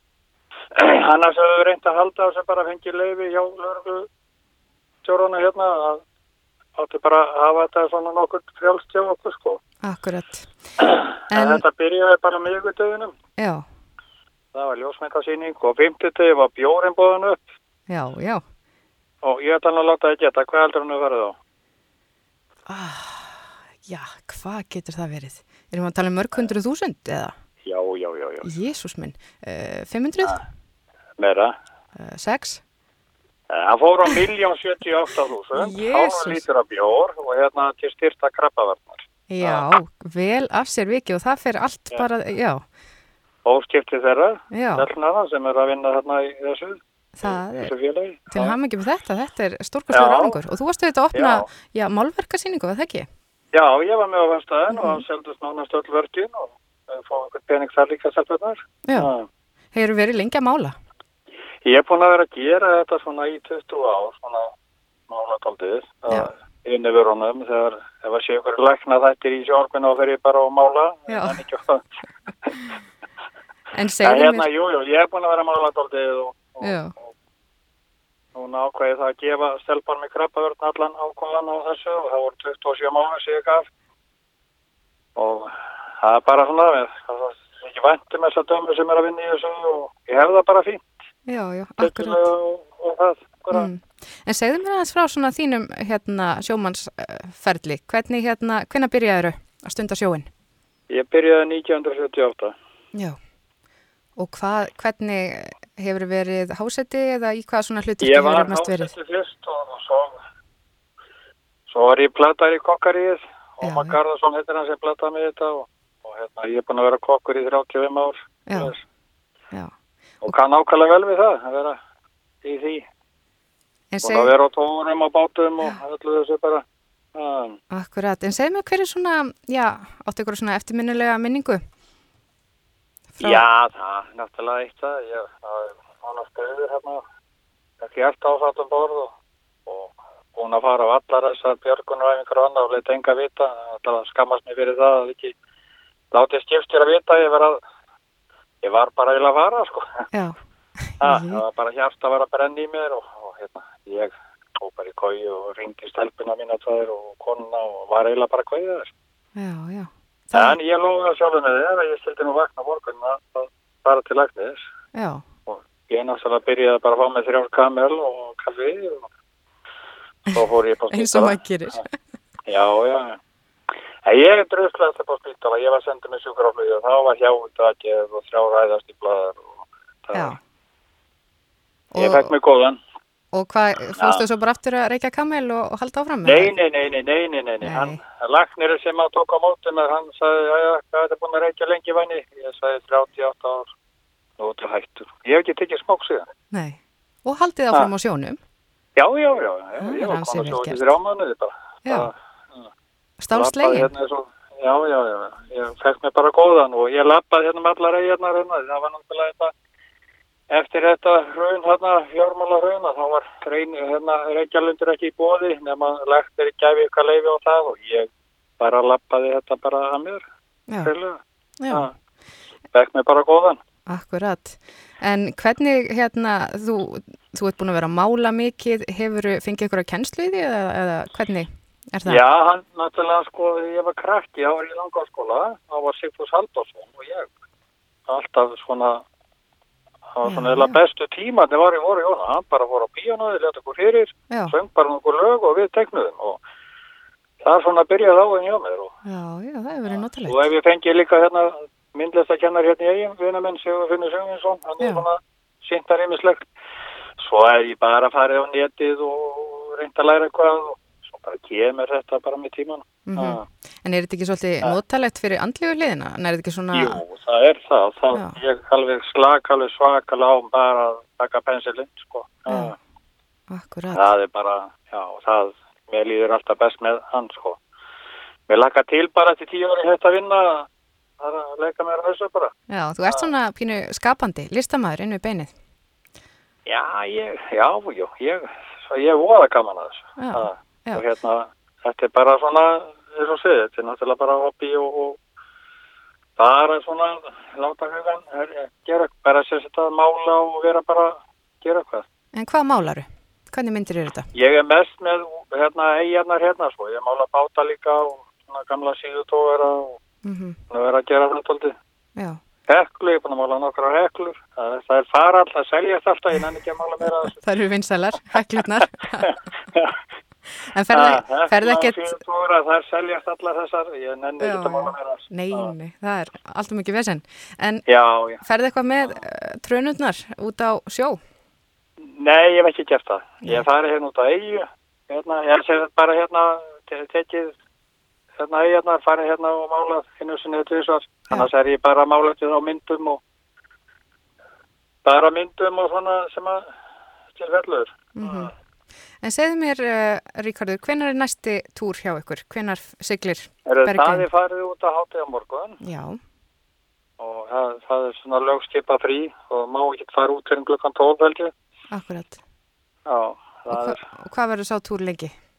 hann er fram á 50 dag. Þetta er oft svona stílað inn á það sem að skipinu sem ég er á. Það er 50 dags blandanir yfirleitt. Akkurat. Það, það þá fer á England og Þískaland frá okkur. Mm Og það er nú opnast aðeins núna aftur eftir þessa, þessa veiki núna. Já, Meira. Annars eh, sendum við líka norður og, og, og höstur, Dalvík og, og Seðursjörð. mm En hvað svo að þetta- gera restina af uh, þessum sjómanadegi? Herðu, nú erum við að fara bara niður á stakkerstól og nú erum við að heiðra hann yfir þetta. Já, já. Veluna krakkana voru að veiða hann á Bryggju í gæðir og, og hérna svo heiðra gamla sjóminn. Já. Það enda svona dagurinn, fjögur og fimm í dag.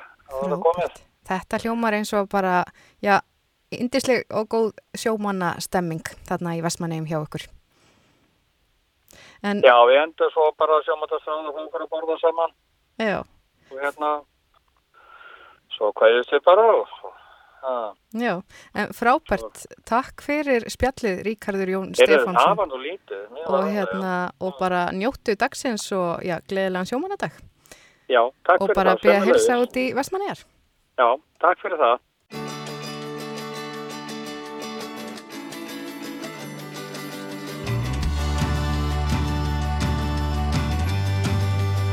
Já, þetta eru sunnudasögurnar og ég heiti Gíja Holmgjastóttir og já, við erum búin að vera saman frá því klukkan 12.40, 20 myndur í eitt í dag og það er nú bara, þetta er að verða komið hjá okkur. Ég er búin að fara svona, já, í fyrir helmingnum þá var hérna viðtal við hann yngsta yfir vélstjóra á landinu, það er hann Freyðrik Karlsson sem að siglir með skipinu Hardback EA3 og hann talaði svona um ferilsinn sem eh, yfir vélstjóri og hvernig eh, það hefur gengið. Svo í setni hlutanum þá uh, ringdi ég á Borgafjörð Eistri, spjallaði þar við steininu Káradóttur, hásetta og ég fekk svona smjörþefin að því hvernig sjómanna dagurinn væri þar. Og núna áðan ringdi ég í hann Ríkard Jón Stefánsson, hann er kokkur á Bergei og hann er líka mikill málari, var með málmörka síningu og allur ágóði var hann til ja, góðgerðamála. Og hann sagði mér svona frá já, einu af sínum eftirmjölustu ferðum þegar hann fekk eitt stórt og gott hjarta áfall en sem betur fyrr þá fór það ekki, ekki verður og, og, og já, Ríkardur er stálslegin hefur það aldrei haft það betra og það verður húlum hæ restina af sjómanadeginu þarna í vestmannegjum. En síðan vil ég endur taka það sem ég sagði áðan, ég uh, fjallaði þarna um uh, skipskaða og þeir hefðu ekki verið miklir mannskaðar en auðvitað var ræðilegt slis á sjómanni frá vopnaferði sem að fannst ekki mm, og leitt hans lokið um, og það er um að gera að vanda sig í þessum málum og ég byrst aftur afsökunar á því. En það er komið að lokum hér í sunnudagsögum á Rás 2 ég heiti Gíja Holmgistóttir og ég er búin að vera með ykkur frá klukkan 12.40 en uh, það verður hérna Rockland á eftir. Og þar verður nú ansi mikill bubba ansi mikill bubba stemming svona eins og var líka hérna hjá mér. Ég spilaði tvö bubbalög af sögunni af hérna plötunni Sögur af landi og það verður Ego eh, sem að færa hljóma þar í Rocklandi hér á eftir. Og síðan er hérna áhugaverður þáttur sem að er að fara að hefjast hér á Rás 2 hann byrjar í kvöld. En það er sem sagt uh, þáttur hérna um sveita hljómur, þetta er svona country tónlist. En uh, og það er fyrsti þátturinn mitt og upphafið á því. Og þau ætla að hefja leika áran í 1922 þegar var svona sveitadurga hljómur í þessu.